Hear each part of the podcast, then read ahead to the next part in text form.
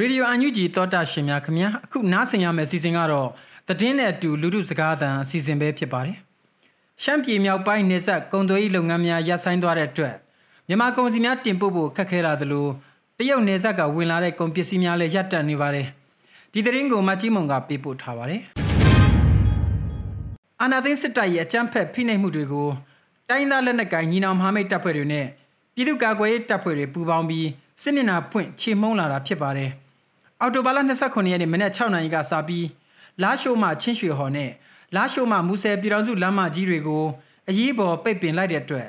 စစ်စင်ရေးအရှိန်ကိုမြင့်တင်လိုက်တာဖြစ်ပါတယ်။လက်တလုံးမှာတော့မန္တလေးတိုင်းနဲ့ရှမ်းမြောက်နယ်စပ်ဖြစ်တဲ့နောင်ချိုမြို့နယ်ကစလို့ချင်းရွှေဟော်နဲ့မူဆယ်105မိုင်ကုံသွေးရေးဇုံတွေကိုဖျက်ဆီးသွားလာလို့မရဘဲကုံသွေးရေးလုပ်ငန်းများလုံးဝရပ်ဆိုင်းသွားတာဖြစ်ပါတယ်။ဒီအခြေအနေကိုမူဆယ်105မိုင်ကုံသွေးရေးဇုံမှာ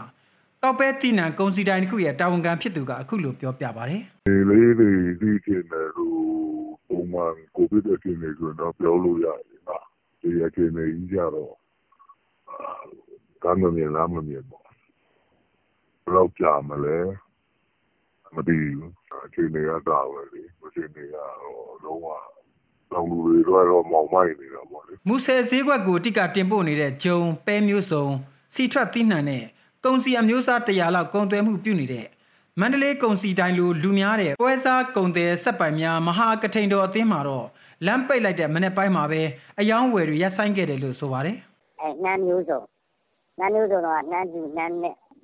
နှမ်းညူပေါ့ဗျာ။အဲ့ဒါရဲ့ပဲဒီစိတ်ပဲဒီစိတ်မျိုးစုံနောက်မြေပဲလုံးစံရှိနေအကုန်လုံးကအဲ့ဒါကဗမာပြည်မန္တလေးကမင်းထားပြီးတော့မှကျွန်တော်တို့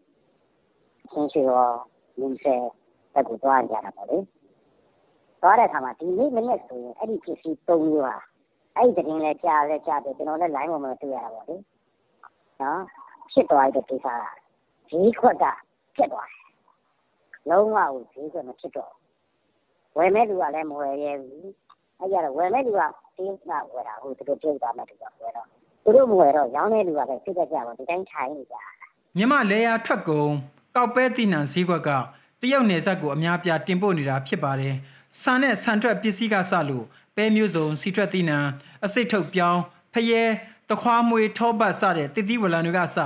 ပြပဈေးကွက်ကိုတင်ပို့ဖို့အတွက်ရည်ရွယ်စိုက်ပျိုးကြတာဖြစ်ပါတယ်။ဒါကြောင့်ပြည်ရင်းစားသုံးမှုလည်းဖူလုံတဲ့အပြင်ပိုရှန်နေတဲ့ထွက်ကုန်တွေကိုနှစ်စဉ်တင်ပို့နေကြတာဖြစ်ပါတယ်။လက်တလုံးမှာရှမ်းမြောက်နေဆက်ဈေးကွက်ကိုရည်ရွယ်ပြီးတင်ပို့ဖို့ပြင်ဆင်နေတဲ့ဖယဲနဲ့တခွားမွေတွေ တင်ပို့ဖို့တူလောင်ထားတဲ့ပဲတွေနှမ်းတွေဆန်နဲ့ဆန်ထွက်ပစ္စည်းတွေလည်းကုန်သွယ်တွေလက်ထဲမှာပိတ်မိနေပါတယ်လက်တလောပေါ်လာဖို့ရှိတဲ့တည်နံတွေမှာလည်းဝယ်သူမရှိတဲ့အခြေအနေတွေနဲ့ရင်ဆိုင်နေရပြီးစစ်တပ်ရဲ့အကြမ်းဖက်လုပ်ရတွေပေါ်ရင်းနှီးမြှုပ်နှံသူတွေအတွက်ယုံကြည်မှုပြပြစေတယ်လို့စိုက်ပျိုးစီးပွားကျွမ်းကျင်သူကသုံးသပ်ပါတယ်ဟိုအဓိကကျွန်တော်တို့ယူပေါ်ဆိုတော့အကြောင်းရင်းကတော့ဒီနိုင်ငံကြီးဟိုကိစ္စပါပဲဒီနိုင်ငံကြီးကိစ္စတွေဒီပေါ်ဒီမှာ အဓိကတော့ဒီအစိုးရပိုင်းရဲ့ policy တွေနဲ့ဖြစ်ဖြစ်ဒီအဖွဲ့အစည်းတစ်ခုနဲ့တစ်ခုရဲ့ကြားကိုယုံကြည်မှုပေါ့နော်ဒီယုံကြည်မှုတွေပျောက်ဆုံးလာတယ်ဆိုတဲ့ဟာကတော့အဓိကဖြစ်သွားတာပေါ့နော်နိုင်ငံကြီးကနေဆက်ဆက်ပြီးပေါ့လေအဲ့တော့ဒီယုံကြည်မှုတွေမရှိတဲ့ဟာရဲ့နောက်မှာကဒီအဖွဲ့အစည်းတွေအနေနဲ့ရောပြည်သူအနေနဲ့ရောပူးပေါင်းဆောင်ရွက်မှုတွေအားနည်းလာတယ်အဲ့တော့အဲ့ဒီရဲ့နောက်ကိုရနေပြီးတော့မှနောက်ထပ်ဒီကဏ္ဍတွေဒီနေရာတွေမှာရင်းနှီးမြှုပ်နှံမှုတွေရောလုပ်ငန်းကိုင်ငန်းတွေ အနေနဲ့ရောကျနော်တို့ဘယ်လိုမှယုံယုံစားစားနဲ့အဆင်ပြေပြေလုပ်နိုင်ဖို့ဆိုတဲ့ဥစ္စာမျိုးတွေကတော့မရှိနိုင်ဘူးပေါ့နော်။အဲဒီတော့အဖြေကတော့အဖြေကမရှိဘူးတော့မဟုတ်ဘူးပေါ့ဗျာ။ရှိတော့ရှိတယ်။သို့သော်အဲဒီအဖြေကိုရဖို့ရောက်ဖို့ဆိုတဲ့ဟာကတော့တော်တော်လေးလှမ်းဝေးကွာသွားတယ်ဆိုတဲ့အနေအထားမျိုးဖြစ်သွားတယ်လို့လည်းကျနော်တို့